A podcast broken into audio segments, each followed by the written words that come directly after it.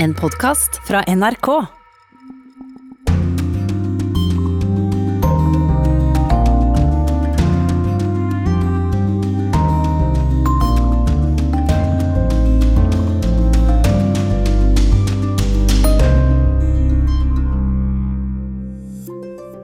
Det er nesten dødt løp mellom de to presidentkandidatene før valget i Polen i morgen.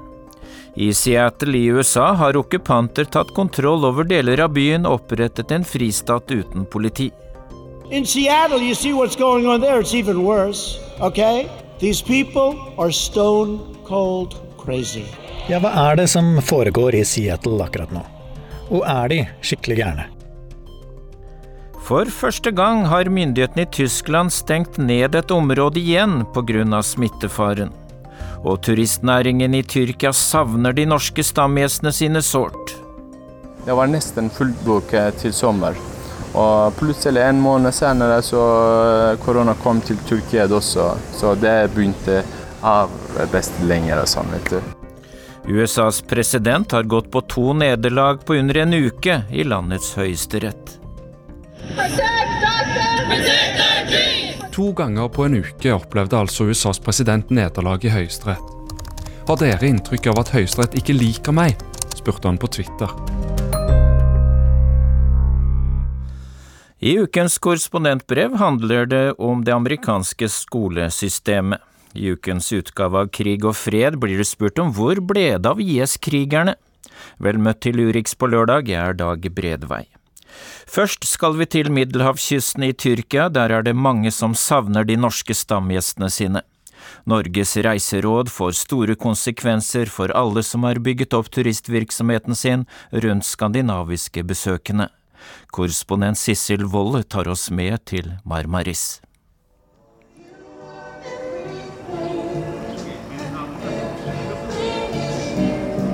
Musikken skaper god stemning på det helt nyoppussede hotellet Pashahan i Marmaris. Men her er ikke en eneste gjest å se. Den kvinnelige bartenderen, med både ansiktsmaske og plastvisir, rydder glass som om det skulle være en vanlig dag. Men verken i baren eller i de to fristende svømmebassengene er det tegn til turistliv. I bassengene ligger vannet som et speil uten de plaskende barna som skulle ha vært her nå. Bare for fire måneder siden tydet alt på at 2020 ville bli en super sesong. Vi så for oss en eh, kjempesesong. Sier Tina Holgersson Eren. Mannen hennes, Tanjo Eren, og hans forretningspartner Ferit Kelesh har akkurat pusset opp dette hotellet, som har 27 små leiligheter. Det var nesten fullboket til sommer. Og plutselig en måned senere så korona kom til Tyrkia også, så det begynte av best lenger og sånn, vet du. Så derfor vi tre sitter og drikker te og kaffe og venter på uh, turen. Sier Ferit Kelesh. Han har lært seg norsk på egen hånd. Sjøen slår inn over de like tomme strendene ved promenaden i Marmaris by. Det er noe uendelig trist ved å se et vanligvis så myldrende sommerparadis så øde og forlatt. Bare her og der står en solseng. Og bare enkelte lokale tyrkere rusler eller sykler langs promenaden, som for å se om noe skjer. På rekke og rad ligger spisestedene, nesten alle er stengt. I ti år har Ferit Kelesh og Tanjueren drevet restauranten Demir, et stamsted for nordmenn som kommer hit år etter år. Så vi har jo masse kjentfolk fra Norge, fordi kulturen som skandinavisk har, det har passet veldig bra for oss.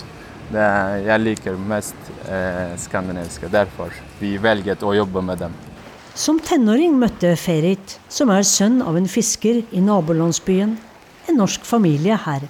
Eh, jeg var 13-14 gammel år første gang eh, jeg jobbet i en eh, restaurant. Og så da har jeg møtt en norsk familie.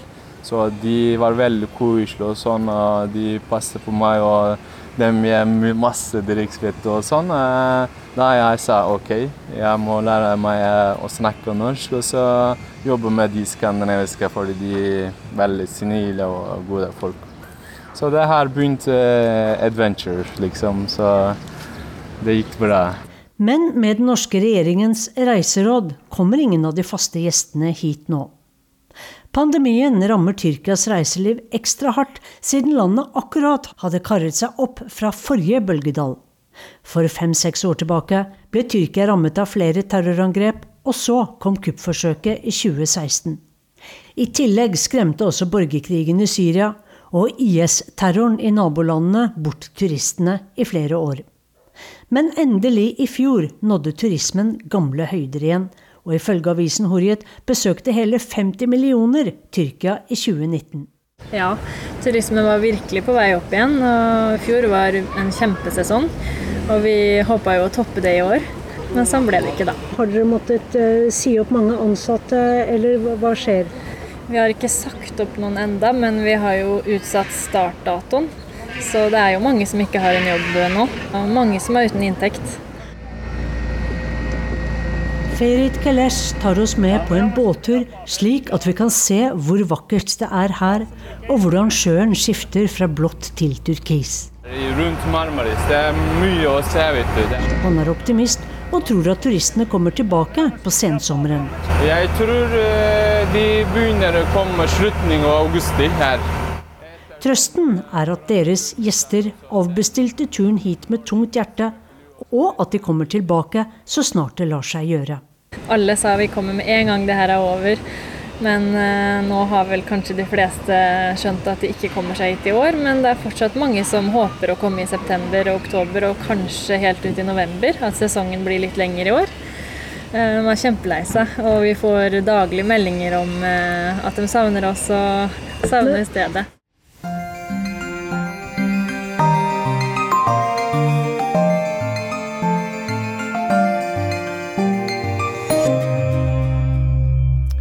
Og vi skal videre til USA. I Seattle har okkupanter tatt kontroll over deler av byen og opprettet en fristat uten politi.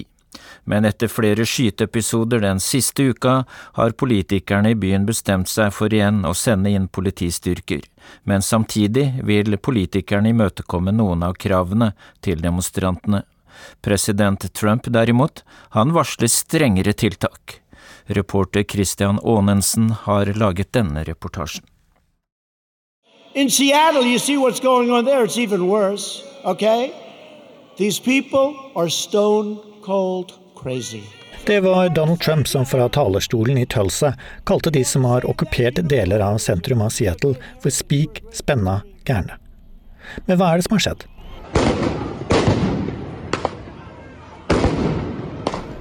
Politiet i Seattle skyter gummikuler og tåregass mot demonstranter i begynnelsen av juni, og gatene i den østre delen av byen, kalt Capitol Hill, ligner mer på en krigssone enn en amerikansk by. Og etter flere netter med harde sammenstøt trekker til slutt politiet seg ut, og demonstrantene tar over. Det seks kvartal store området fikk tilnavnet Chas, Capitol Hill Autonomous Zone. Et sted uten politi, og et sted som splitter det politiske USA på midten. Let people see what radical left Democrats will do to our country. La oss bare vente og se hva det radikale venstre gjør med landet vårt, sa Trump fra talerstolen, og fikk svar fra ordføreren i Seattle, som er demokrat. Um, we've got four blocks in Seattle that you just saw pictures of that is more like a block party atmosphere. It's not an armed takeover. It's not a military junta. Dette er ingen trussel mot offentlig sikkerhet, sier Jenny Durkin til CNN, og beskrev det hele mer som en gatefest enn som en væpnet okkupasjon. Men det var før det ble meldt om flere skyteepisoder der denne uken. Nå er stemningen litt annerledes. Uh, one minute it can be very serious, the next moment it can go to being dangerous, the next moment it can be a joyous or a happy occasion.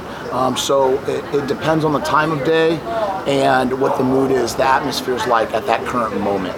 Stemningen kan variere veldig raskt fra hyggelig til veldig alvorlig, sier Bobby Stills. Han bor i området og frykter at noen kan utnytte at det ikke er noe politi der akkurat nå. Uh, with, with here, who's, you know, who's.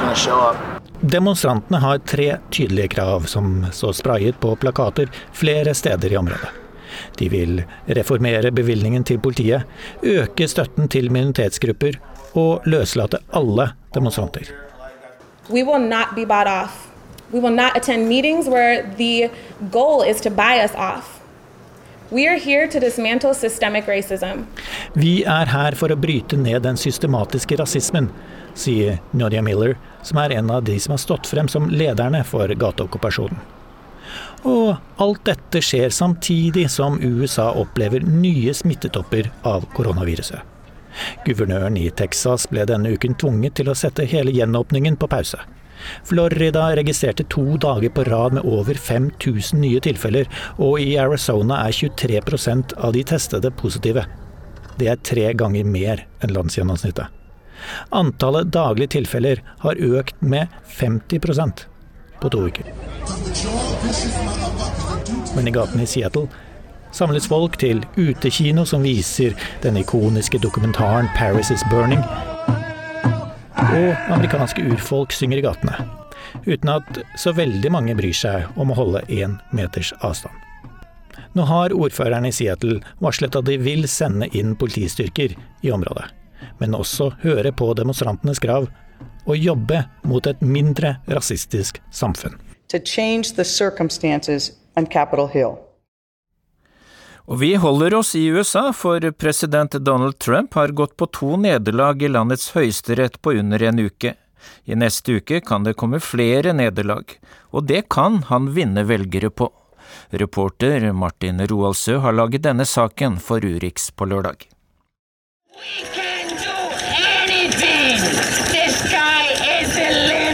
Vi kan få til alt, det finnes ingen grenser. Jubelen sto i taket 15.6, da Høyesterett bestemte at arbeidsgivere ikke lenger kan diskriminere folk fordi de har en annen seksuell legning. Wow. What a decision. The Supreme Court provided a bright ray of sunshine this week. For en fantastisk avgjørelse, sa demokratenes senator Chuck Schumer. Avgjørelsen gikk mot Trumps syn, men han aksepterte det. I've read the decision, and some people were surprised, but uh, they've ruled, and we live with their decision. Så gikk det tre dager. Høyesterett stoppet Trumps forsøk på å frata barn av ulovlige immigranters rett til å arbeide og studere i USA. Trump ville oppheve den såkalte DACA-forskriften, men fikk nei.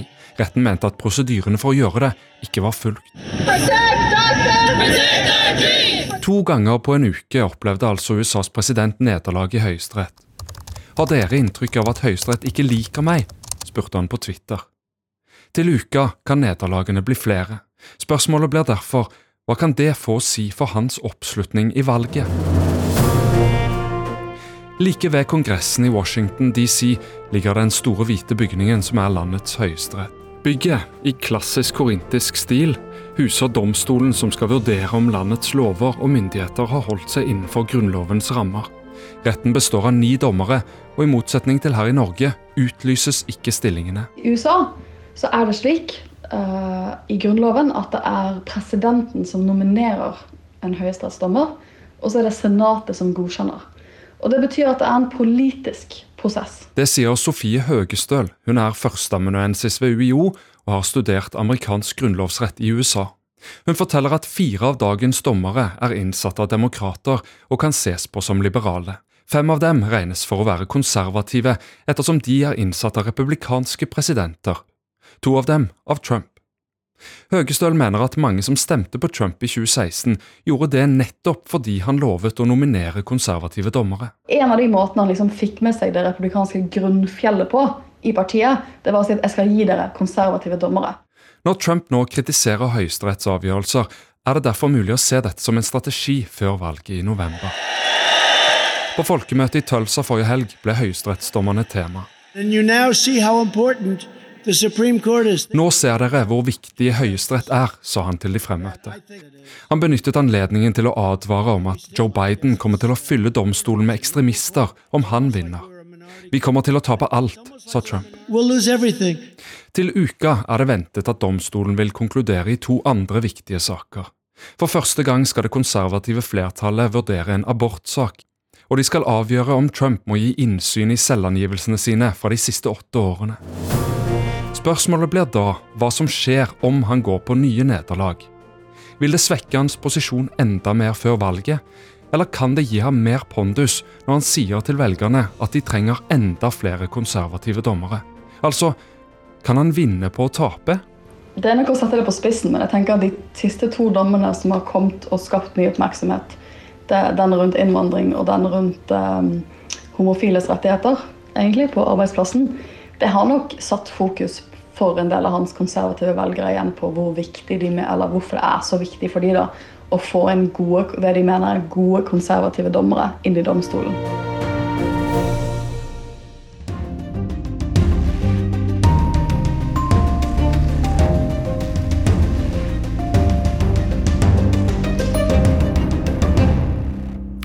Klokken er 11.18, dette er Urix på lørdag. I morgen er det valgrunde én av to i presidentvalget i Polen.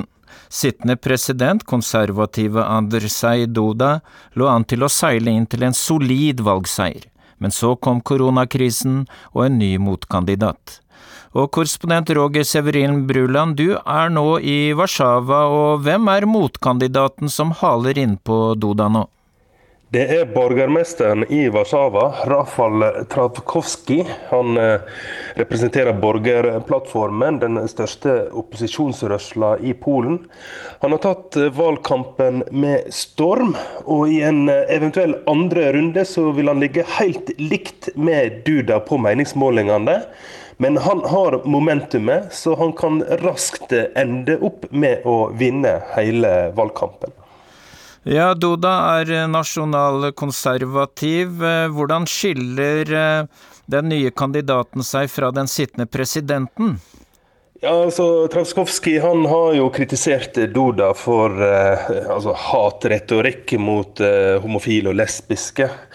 Og eh, mot innvandring osv. Eh, mens Duda han har vært i USA og henta støtte fra eh, Donald Trump. Så sånn sett så er de jo veldig ulike, disse to eh, eh, kandidatene. Og vi ser jo liksom et mønster over hele Øst-Europa der eh, sentrumskandidater igjen eh, tar, eh, tar eh, til motmæle. Vi ser jo det i f.eks. i Ungarn, et annet illiberalt regime, der i et lokalvalg så, så fikk faktisk opposisjonen borgermesteren. Og, og så, så han, han, han, kommer inn i et mønster, Traskovskij, der en ser at, at bysentrum som Warszawa og Gdansk slår litt tilbake mot det, det verdikonservative flertallet. Koronaviruset har skapt problemer for selve avviklingen av valget, og på hvilken måte? Ja, altså, De skulle jo prøve å presse fram et valg 10. mai, et postvalg, men det var ikke teknisk mulig å få til. Og Da hadde jo Duda eh, seilt gjennom og vunnet det her på første runde. Og i mellomtida så har jo nå Transkovskij kommet som en rakett og gjort dette her valget kjempespennende. I tillegg så har vi jo også en spennende tredjekandidat, Holovnia, som Transkovskij er nødt til å slå. Skal han komme nå i andre runde mot eh, Duda, som også gjør det veldig bra. Så fra at uh, dette her var et ganske eh, altså Eh, klart valg 10. mai, så har det blitt en skikkelig rysere nå i eh, juni. Eh, du er i Warszawa, og hvordan er stemningen dagen før valget? Ja, det er litt grått, så vi har ikke hatt de helt store folkemengdene ute. Det var jo en stor mønstring i går for eh, Rafal Traskowski, der han langa ut eh, mot Duda. Nå er det stille for stormen. Nå er det slutt på valgkampen. Og i morgen da skal eh, polakkene gå til valgurnene. Og så regner vi med at eh, klokka ni om morgenen på mandag så vil vi få de første resultatene.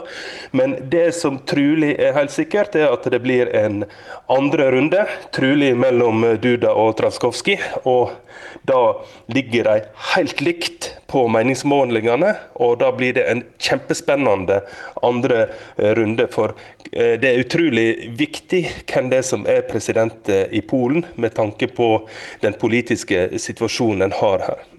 Takk skal du ha, Roger Severin Bruland, med oss direkte fra Warszawa.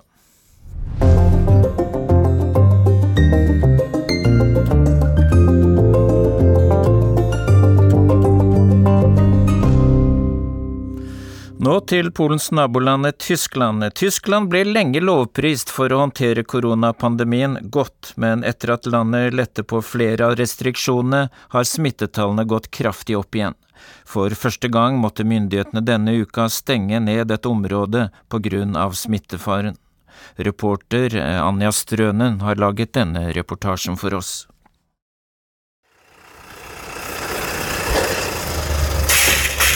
Det settes opp høye gittergjerder rundt flere gater med boligblokker i delstaten Nordrhein-Westfalen i Tyskland. Bak gjerdene bor flere tusen arbeidere som vanligvis på denne tiden ville vært på jobb i byens enorme slakteri. Nå henger de ut fra vinduene i de røde, enkle murblokkene, tar seg en røyk eller rusler utålmodig langs innsiden av gjerdet. De er i karantene etter at minst 1500 av slakteriets 6000 ansatte har testet positivt for koronasmitte. Jetzt, wir müssen warten, wie, wie ich bin wie eine Schweine, weißt du? Wie eine Schweine in ein, ein kleines Loch. Ja? Wir haben auch Familie. Jeg føler meg som en innesperret gris, vi har også familie. Jeg vil reise til Romania i august, sier en oppgitt Alex. Han elsker å jogge i parken når han ikke er på jobb, det kan han bare glemme nå. Og drømmen om å reise hjem til familien i Romania i sommerferien henger i en tynn tråd. Gratis. Noen fastboende kommer med handlevogner fylt med mat som de plasserer ved gitterinngangen. Gratis, roper de til de på innsiden, som nå er helt avhengig av hjelp med mat mens de sitter i karantenen. Svært mange av de ansatte på slakteriet er migranter fra Øst-Europa, innleid av underleverandører som huser dem i små fellesleiligheter. Her bor også mange andre arbeidere som er innleid til selskaper i industribyen. Nå er de alle plassert bak gitteret.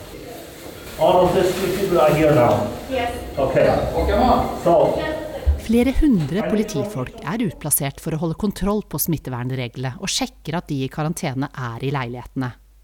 Tyskland har fått ros for måten de har håndtert koronapandemien, med intens testing, sporing og helsetiltak som har begrenset utbruddet. Av landets 83 millioner innbyggere er det kun konstatert smitte hos knappe 200 000. Rundt 9000 er døde. Men den siste tiden har smitten økt betydelig. Dette skjer etter at landet lettet på flere av restriksjonene.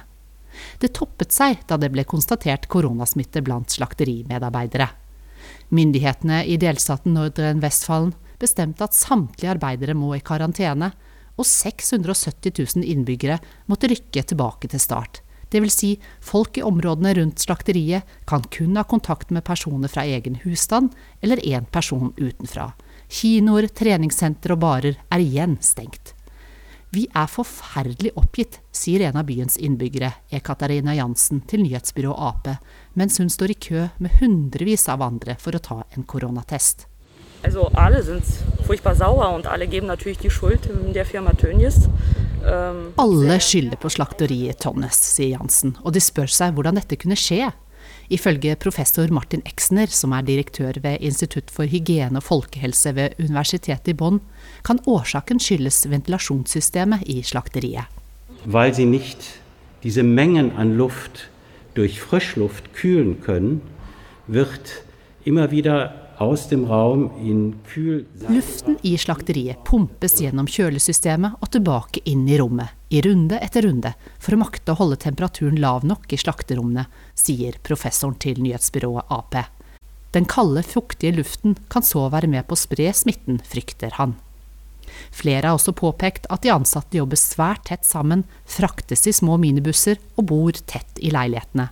Alt dette gjør det vanskelig å følge smittevernregler. Nedstengningen skal i første omgang vare ut juni, og en trøst i elendigheten kan være at testingen så langt viser knapt noe smitte blant folk utenfor slakteriet. Det er tid for å åpne ukens korrespondentbrev. Det handler om skolesystemet for de aller minste barna i USA og i Norge, og er ved korrespondent Veronica Westerin for tiden i Norge. Hver dag klokken 8.45 stiller dattera mi seg opp på en rekke utenfor skolen sin i USA. Når klokken er kvart over tre, er det på tide å plukke henne opp igjen. hvis vi da ikke velger å ha henne på aftercare, som den amerikanske skolefritidsordningen kalles. Da kan vi melde henne på fritidsaktiviteter som teater, fotball, pianospilling og ballett, eller slimlaging, om det er det hun skulle ønske. Dette halvåret har hun gått på hiphop etter skoletid. Dersom vi velger aktiviteter, må vi betale for dem, men summen er ikke avskrekkende og ligger på rundt det man betaler for tilsvarende fritidsaktiviteter i Norge. I løpet av den amerikanske skoledagen, som varer mesteparten av en vanlig norsk arbeidsdag, er dattera mi innom fag som spansk, engelsk, matte, naturfag, kunst og gym. Hele tiden omgitt av pedagogisk personale. Dette er ikke en privatskole, men den offentlige skolen i Washington DC. I år ble den eh, skolehverdagen plutselig avbrutt. Koronapandemien førte til at skolen i USA ble stengt og vil bli sendt hjem til Norge og det norske skolesystemet. Og i Norge organiseres skolehverdagen for de aller yngste barna på en helt annen måte. Her er førsteklassingen min plutselig ferdig klokken tolv tre dager i uka. Etter det finnes et frivillig tilbud, SFO. Her stilles det ikke krav om pedagogisk personale, og man må betale for tilbudet dersom man ønsker det. La meg utdype. Vi føler oss heldige. Like etter at vi kom hjem til Norge, åpnet skolene her igjen. Full av forventninger ble syvåringen tatt vel imot av fantastiske lærere som gjør alt for at elevene i klassen skal ha en super skolehverdag. Lærerne tar imot skolebarna med åpne armer og sørger for både faglig og sosialt innhold. Dattera mi har hatt et positivt møte med norsk skole, hun liker seg der. Og det er mye som er bra med norsk skole. Særlig begeistret har vi blitt over hvordan lærerne bruker fysisk aktivitet. De tar barna med ut på tur og gir læring utenfor klasserommet. Det å benytte andre arenaer for læring kan det komme mye positivt ut av, særlig for dem som sliter med å sitte mye stille. I USA er vi vant til at barna kun får frilek gjennom ett friminutt midt på dagen. Regner det, er de ikke ute i det hele tatt. Det er lite for et barn som i Norge fortsatt ville gått i barnehagen. Jeg har tidligere skrevet et korrespondentbrev om hvordan sikkerhet står høyt i kurs i USA. Men i USA lærer de også gjennom hele dagen. For når det gjelder lengden på skoledagen, så er det en eh, forskjell mellom de to landa. I USA er barna omgitt av pedagoger i det som nesten tilsvarer en norsk arbeidsdag. Knapt halvveis ut i arbeidsdagen til oss voksne overlates barna imidlertid til SFO i Norge, eller hjemmet dersom man ikke vil eller har råd til å sende barna sine dit etter at skoledagen er over. Norske foreldre betaler gjerne flere tusen kroner i måneden for å ha barna på SFO. Siden amerikanske foreldre ofte jobber lengre enn norske, har også de et tilbud etter skoletid. En evaluering av den norske skolefritidsordningen fra 2018 konkluderer med at man enkelte steder har klare pedagogiske planer for SFO og fyller ordningen med et godt innhold for barna, mens andre steder er det mer prega av å være en oppbevaringsplass for barna, der de får tilsyn. Og nå skal det sies at de beste SFO-ene i Norge helt sikkert gir et strålende tilbud til barn og unge. Et tilbud som kan måle seg med det de får på skolen. Jeg vet at det bl.a. i hovedstadsområdet har blitt satset mye på AKS eller SFO. Selv bestemte vi oss for å ikke ha barnet vårt på SFO. Men hjemmeværende mann og en fireåring uten barnehageplass har vi, i likhet med mange andre foreldre, valgt å hente førsteklassingen klokken tolv tre dager i uka. Det er her forskjellen ligger. Når jeg leverer dattera mi fra meg i USA, vet jeg at hun er oppgitt, omgitt av pedagoger hele skoledagen. Jeg slipper å organisere henting med andre foreldre, jobbe redusert, gi henne en mobiltelefon litt tidligere enn jeg hadde egentlig tenkt, fordi hun skal være aleine hjemme flere timer før jeg kommer hjem, eller ha dårlig samvittighet fordi hun blir overlatt til seg selv når hun ikke lenger vil gå på SFO. Og det finnes selvsagt en rekke andre forskjeller på de to skolesystemene. Jeg husker godt det første foreldremøtet jeg var på i USA. Rektor eh, viste en powerpoint og en ny powerpoint om hvor god skolen eh, er. Hvor godt den gjør det i de ulike testene av skolekvalitet eh, for Washington DC. Innimellom hver plansje var det forventet at de skulle klappe. Jeg klappet med en bismak. Jeg hadde nemlig trodd vi skulle få vite litt mer om hvordan barna hadde det, om det var noe mobbing, eller om trivselen på skolen. Men fokus var tilsynelatende kun på resultater. Når det er sagt, virker det som det er et godt klasse- og skolemiljø på skolen dattera mi går på. Vi er superfornøyde med både skolen og lærerne. Men nå er også vi blant de privilegerte, for denne skolen er neppe representativ for hele USA. For når det gjelder finansieringen av skolene, er det store forskjeller. Mange foreldre flytter til vårt område nettopp fordi det er en god offentlig skole der. Vi gjorde selv det, og det var flere ting vi slet med å forstå med en gang vi flyttet dit.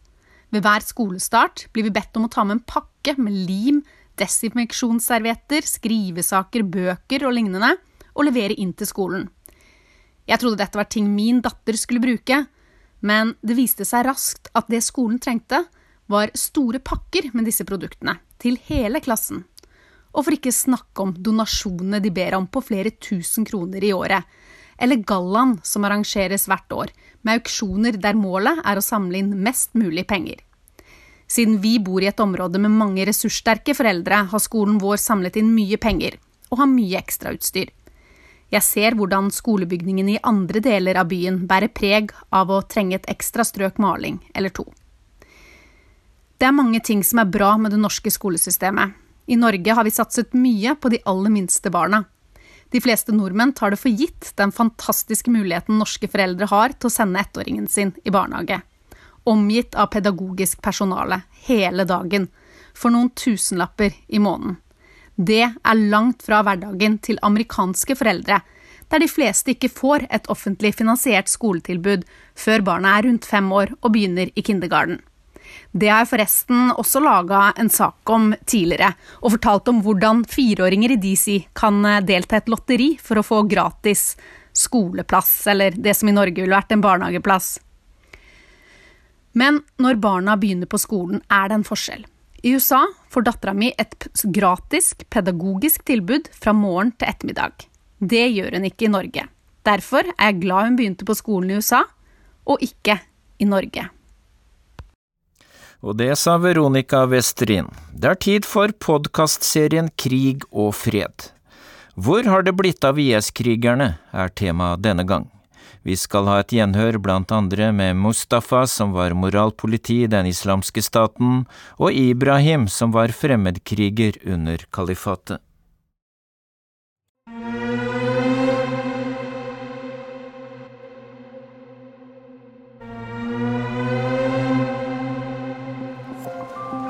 Mustafa var i moralpolitiet under IS i Syria.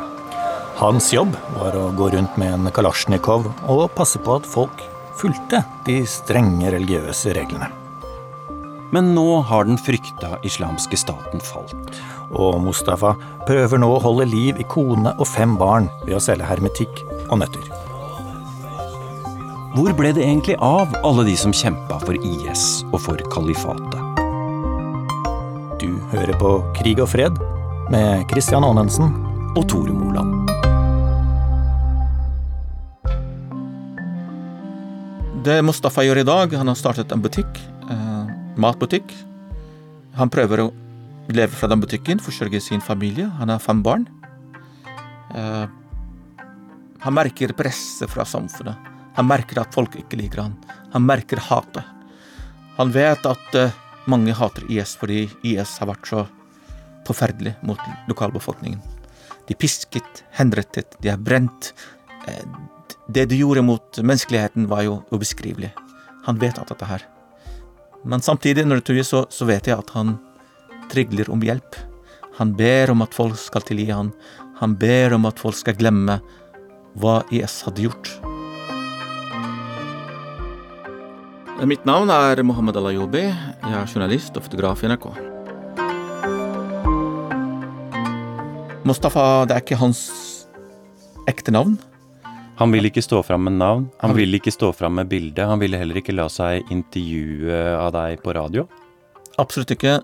Han vil ikke det helt tatt, fordi han frykter at han blir bortført, i verste fall drept.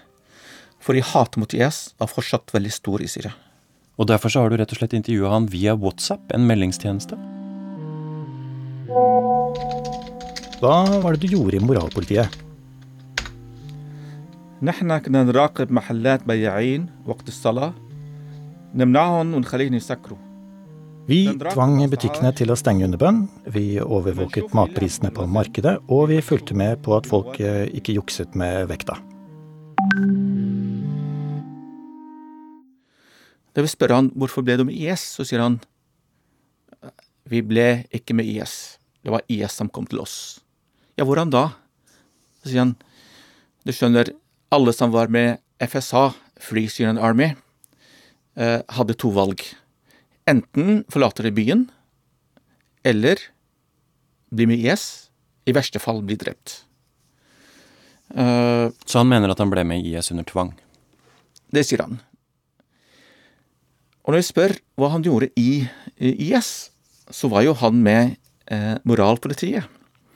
Og moralpolitiet er jo en av IS' verste avdelinger.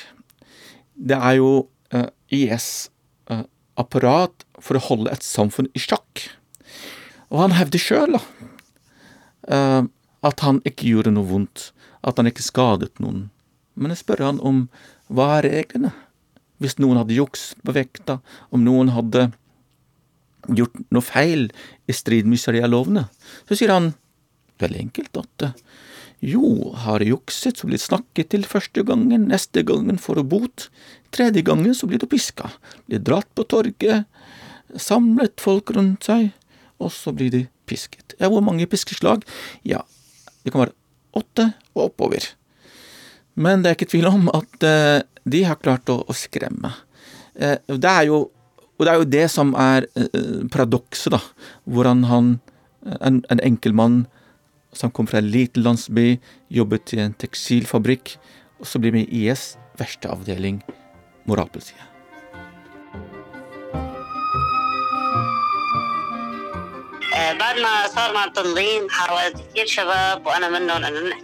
Vi prøvde å kontakte ham etter at vi fikk høre at han har blitt med i IS. Men han fikk ikke lov til å snakke med oss, sier Bilal. Han ble kjent med Mustafa i militæret. Senere var begge med i noen av de tidlige demonstrasjonene mot Assad-regimet. Men mens Bilal har kjempet mot Assad i den frie syriske hæren, valgte Mustafa å slutte seg til IS. Bilal eh, Jeg hadde mange samtaler med Bilal, og Bilal forteller om Mustafa at han, han kjente ham veldig godt, og han ble veldig overrasket, nesten sjokkert, da han fikk vite at uh, han dro til IS og blindt jobber for dem, ikke minst i moralpolitiet. Og jeg spør ja, hva syns du om han nå? Jeg syns det er veldig vanskelig hva jeg skal tro Mustafa. Det er veldig vanskelig for meg, fordi han var borte fra meg i mange år og var med, og var med IS. Og når jeg spør stoler på han, stoler på Mustafa at han kanskje ikke gjort noe vondt, eller Så sier han Mohammed, vet du hva, jeg stoler ikke på han. Har jeg vært med moralpolitiet, så er det punktum finale, finish, over. De som har vært med der, er veldig ekstreme.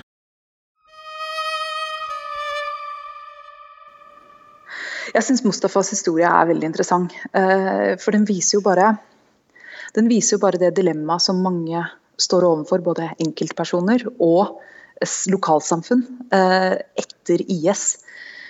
For de som var med i IS, eh, enten så kommer de til å sitte i fengsel ganske lenge, eller så kommer de til å være underground. altså De kommer til å fortsette å være i IS og, og, og kjempe for deres gjenoppstand på et vis. Eller så er de nødt til å leve normale liv i lokalsamfunnet. Og det er ikke bare bare. Ehm, for mange vet jo hva de har gjort. Eh, og mange har jo mistet i Syria. Eh, mistet folk eh, til IS. Jeg er Kristin Solberg, og jeg er Midtøsten-korrespondent i NRK, for tiden i Beirut. Dette er jo ikke noe som bare foregår i Syria. Det foregår i etter enhver krig så kommer det et sånt oppgjør. Eh, hvor, hvor, de som er på den tapende siden, på et eller annet vis eh, må, må, må, leve eh, igjen blant dem som vant. Og ofte med folk da som de har begått urett mot på et eller annet vis. Hva betyr det? Får man hevnaksjoner, f.eks.? Ja, altså de, de, er nok i fare for det. Eh, de har nok en grunn til å være bekymra. Slik at eh, Mustafa og sånne som han har nok en grunn til å eh, være litt ekstra påpasselige. Men så tror jeg også at man kan se at det kan komme altså mindre mindre konsekvenser. At man f.eks. da boikotter deres levebrød, ikke vil ha noe med de å gjøre, vender dem ryggen, den type ting. Eh, som jo jeg tror, tror, er ganske vanlig. Jeg må si at En ting som slår meg når jeg reiser gjennom Syria, i mange av de områdene hvor IS har hatt fotfeste og står sterkt, så er det veldig mange som står veldig sterkt mot IS nå. Fordi de Eh, fordi de har rett og slett blitt rammet så hardt av deres brutalitet. Det var jo lokalbefolkningen som følte dette aller, aller sterkest. Jeg snakket med en, en ung mann i Shadadi i Syria, som ligger litt sør for, for Hasaka, som er det fengselet hvor, hvor, hvor mange tusen IS-krigere, eh, også fra utlandet, sitter nå. Eh, og han sa da IS kom, så var det, altså det var, var en var en relativt støtte for de eh, i byen der han bodde. De kom som en type den ekte formen for eh, islam, slik de presenterte seg selv. Og så, og så var det mange som trodde på det. Men så tok det jo ikke lang tid eh, før IS begynte å halshugge folk på torgene, begynte å eh, arrestere folk, torturere folk. Eh, slik at mange i en liten by så vil det nødvendigvis være slik at mange kjenner de som blir henrettet. Og dermed så begynte de å snu seg mot IS også.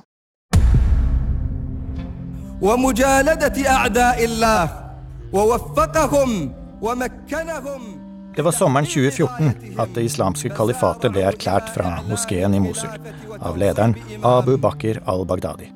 Syrian Observatory for Human Rights har anslått at IS til sammen hadde rundt 100 000 mann under våpen. Men i mars i fjor mista de sitt siste landområde, i Baghuz, på grensen mellom Syria og Irak. Og i oktober ble IS-lederen al-Baghdadi drept i et amerikansk angrep inne i Syria. Abu Bakar al-Baghdadi is dead. Mohammed al-Ayubi, hva skjedde med Mustafa etterpå? Eh, eh, han ble tatt, i likhet med flere tusen andre, inn i fengselet. Um, ifølge han så sier han at han satt i fengselet i 50 dager, og jeg spør hvordan var det. Jo, det var samme 50 år. Det var vanskelig, fordi jeg var uskyldig. Jeg har ikke gjort vondt mot noen, jeg har ikke skadet noen. Ja, ja, men hva skjedde i fengselet, da? Jo, det var en, en hyggelig vakt som satt med meg hver eneste dag og forklarte meg om islam, eh, den moderate formen for islam, og han, vakten fortalte meg om hva IS gjorde mot eh, lokalbefolkningen, eh, hvor galt det var. Men 50 dager høres ut som en ganske mild straff, egentlig? Problemet i Syria er ikke ett land lenger. Eh, altså Der han ble tatt, er ikke Assad-regimet, og det finnes ikke et system som fungerer. Tenk deg at du har flere tusen i fengsler. Hvordan skal du gi dem mat? Hvordan skal uh, gi dem uh, penger, slik at kan familien deres bli forsørga? Så vil skaffe et katastrofe i et samfunn. Så derfor uh, ble de nødt til å løse dem ut etter 50 dager, fordi de hadde ikke kapasitet.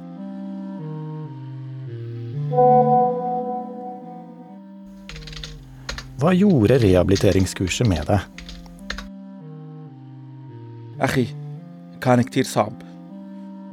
Bror, det er vanskelig å forklare. Jeg var en av de fredelige. Jeg visste at jeg ikke hadde gjort noe urett mot noen. Men du har også snakka med en tidligere fremmedkriger som fortsatt sitter i fengsel, Mohammed. Hvem er han? Ibrahim er, er eh, kommer fra England. Han er briter. Han og familien dro til Mekka. Det var mor som tok han sammen med eldrebror og lillebror og to søstre. De dro fra England til Mekka fra Mekka, sa moren, at nå skal vi til, på ferie til Tyrkia. Og de dro fra Tyrkia inn i Syria.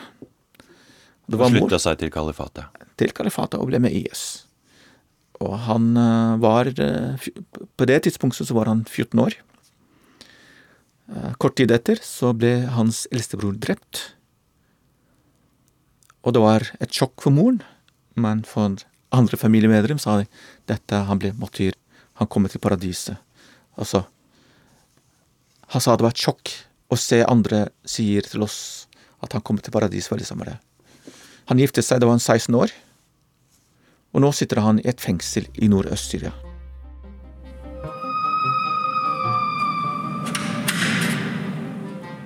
I en mørk fengselskjeller i byen al-Hasaka sitter et titalls tidligere IS-soldater i oransje fangedrakter i samme lille celle. En av dem er Ibrahim Iqbal, egentlig fra Bradford i England. Trolig sitter det et sted mellom 8000 og 12 000 tidligere IS-krigere i fangenskap i de kurdisk-kontrollerte områdene nordøst i Syria. Um, I've been in prison ever since, and you don't know the situation over here. Very bad. Han sendte en melding til sin far på engelsk under det intervjuet, der han trigla til om, om, om, hjelp. 'Pappa, hjelp meg ut herfra. Her er vanskelig. Jeg kan ikke fortelle deg hvor vanskelig det er her. Du sa til meg at jeg måtte gi opp den kampen med IS. Du sa til meg at jeg må slutte. Jeg har gjort det etter Bahus, men se nå, det skjer ingenting. Hva syns du burde skje med Ibrahim da, Mohammed? Altså, altså, du kan ikke la folk råtne i fengsler. Hvis vi er Hvis vi hevder vi er bedre enn IS, så må vi straffe dem. Gi dem fengsel 10 år, 20 år, 30 år, whatever. Men det må skje noe. Frida Numme, aner vi hvor mange tidligere IS-folk som nå sitter fengsla i Syria? Vi hører litt forskjellige tall. I um, Nordøst-Syria, uh, i de kurdiske myndighetenes områder, um, hører jeg mellom 8000 og 12 000, hvorav 2000 sannsynligvis er fremmedkrigere. Uh, og de øvrige stort sett er syrere og irakere. Irakere eh, blir ikke sendt til Irak, fordi Irak er det summariske rettssaker og også dødsstraff. Og utlendingene har eh, så langt også i liten grad blitt sendt tilbake til Europa, fordi Europa ikke har eh, ønsket å ta imot. Ehm, og de syriske IS-soldatene som sitter fengslet, eh, mange av dem de sitter og venter på rettssaker som det foreløpig ikke er noen klare utsikter til. Situasjonen er veldig uviss når det gjelder hva som kommer til å skje med alle disse IS-fangene. Mitt navn er Frida Nome. Jeg er seniorrådgiver ved eh, Noref, Senter for internasjonal konfliktløsning. Og så har jeg skrevet en bok om eh, forsvinninger i Syria-konflikten, som heter De savnede. Er det så enkelt som at småfiskene slippes løs og de store fiskene blir satt i fengsel eller kanskje til og med henretta, eller? Det er vanskelig å si, fordi eh, det er ikke noe ordentlig rettsprosess. Det er ikke noe internasjonal domstol. Eh, det har ikke vært støtte til det.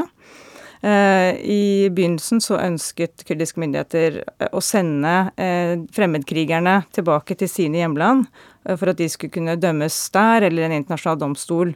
Da det ikke kom noen respons på dette, så, så har de eh, snakket om et ønske om å ha en internasjonal domstol på stedet, fordi det er også der eh, eh, vitnene finnes. De som har levd under eh, IS, eh, befinner seg jo i dette området.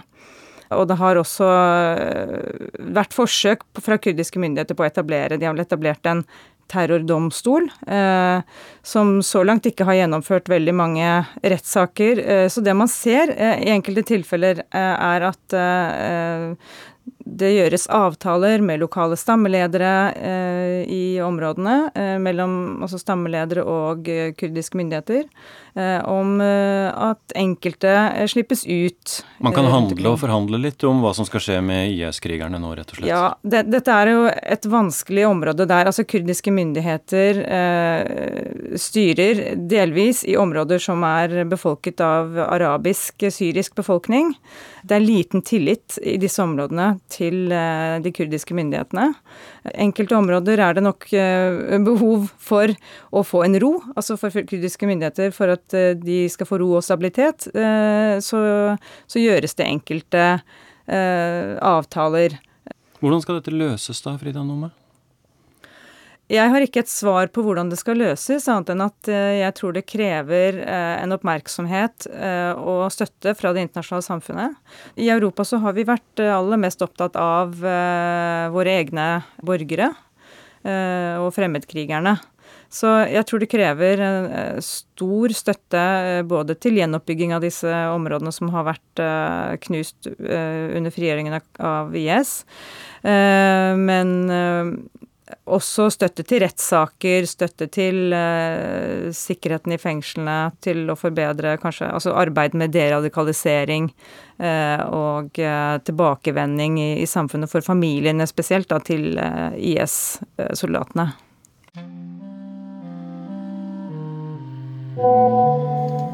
Men angrer du på IS-medlemskapet ditt?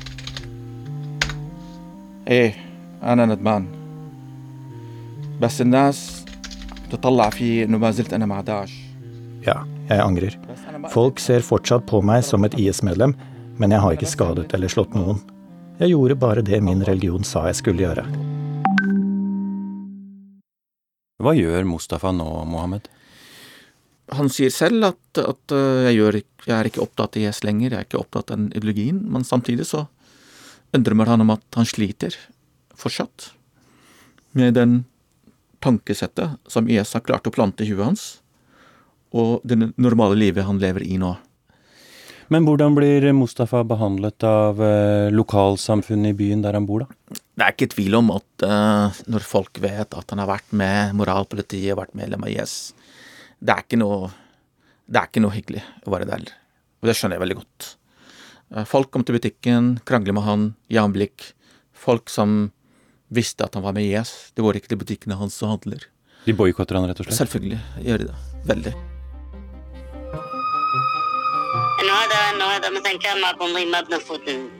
Folk som eh, vet han har vært med i IS, nekter å handle i butikken hans, forteller Bilal, som fortsatt treffer Mustafa av og til. Han forteller at den gamle vennen er psykisk nedkjørt og gråter når han snakker om hvordan han blir behandlet nå. Han orker ikke gå i moskeen lenger, men er fortsatt en konservativ muslim som ikke vil ha noe av musikk, sporty klær eller griseprat.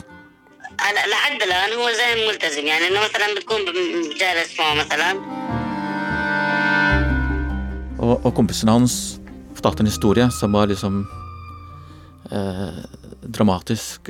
Det kom en mann til butikken hans og begynte å argumentere med han om at hvordan kunne du våge å være med IS? Hvorfor har du vært med dem? Hvorfor i all verden valgte de IS? De har drept så mange mennesker. Uh, jævlige IS-er. Uh, og- mannen dro. Mustafa satt igjen, satt der på stolen, og så begynte å gråte. Uh, og dette har skjedd flere ganger. Til og med i moskeen så blir han omtrent boikotta. Han blir anklaget for å holde for holde sharia-kurser i moskeen. Så blir han avvist, kasta ut, så han mistet lysten til å gå til muskelen. Og når jeg spør kompisen hans hva tror du om Mustafas fremtid, han sa det er enten går han til å bli gal, eller bli artist. Eller bli, gå tilbake til IS. Så ler han til slutt, da. Det er noen han ikke tror. Men, men det er ikke tvil om at det er veldig vanskelig situasjon for veldig mange. Ja, Skal vi synes synd på dem, liksom? Um, en gang må dette stoppe, da. En dag må en si slutt.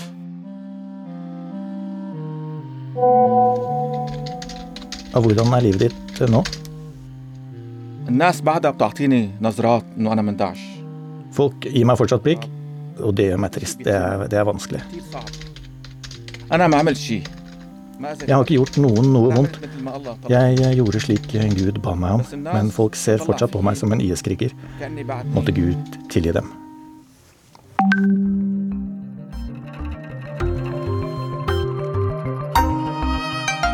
Du har hørt Krig og fred fra NRK Urix. Lydregien var ved Lisbeth Sellereite.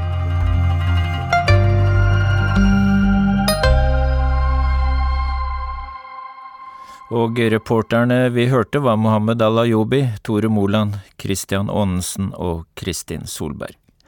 Til slutt tar vi med at på Island åpnet valglokalene klokka elleve. Alt tyder på at Gudny Johannesson får fire nye år som president. Johannesson, som er partiløs og uavhengig, vant valget i 2016 med 39% av stemmene. Hovedutfordrer, høyrekandidaten Gudmund Franklin Jonsson, som har en fortid som aksjemegler på Wall Street, synes å være sjanseløs. Presidentposten på Island er i stor grad symbolsk. Urix på lørdag er slutt. Teknisk ansvarlig Lisbeth Sellereite, produsent Jon Branes og jeg, Dag Bredvei, takker for følget og ønsker dere alle en fortsatt god helg.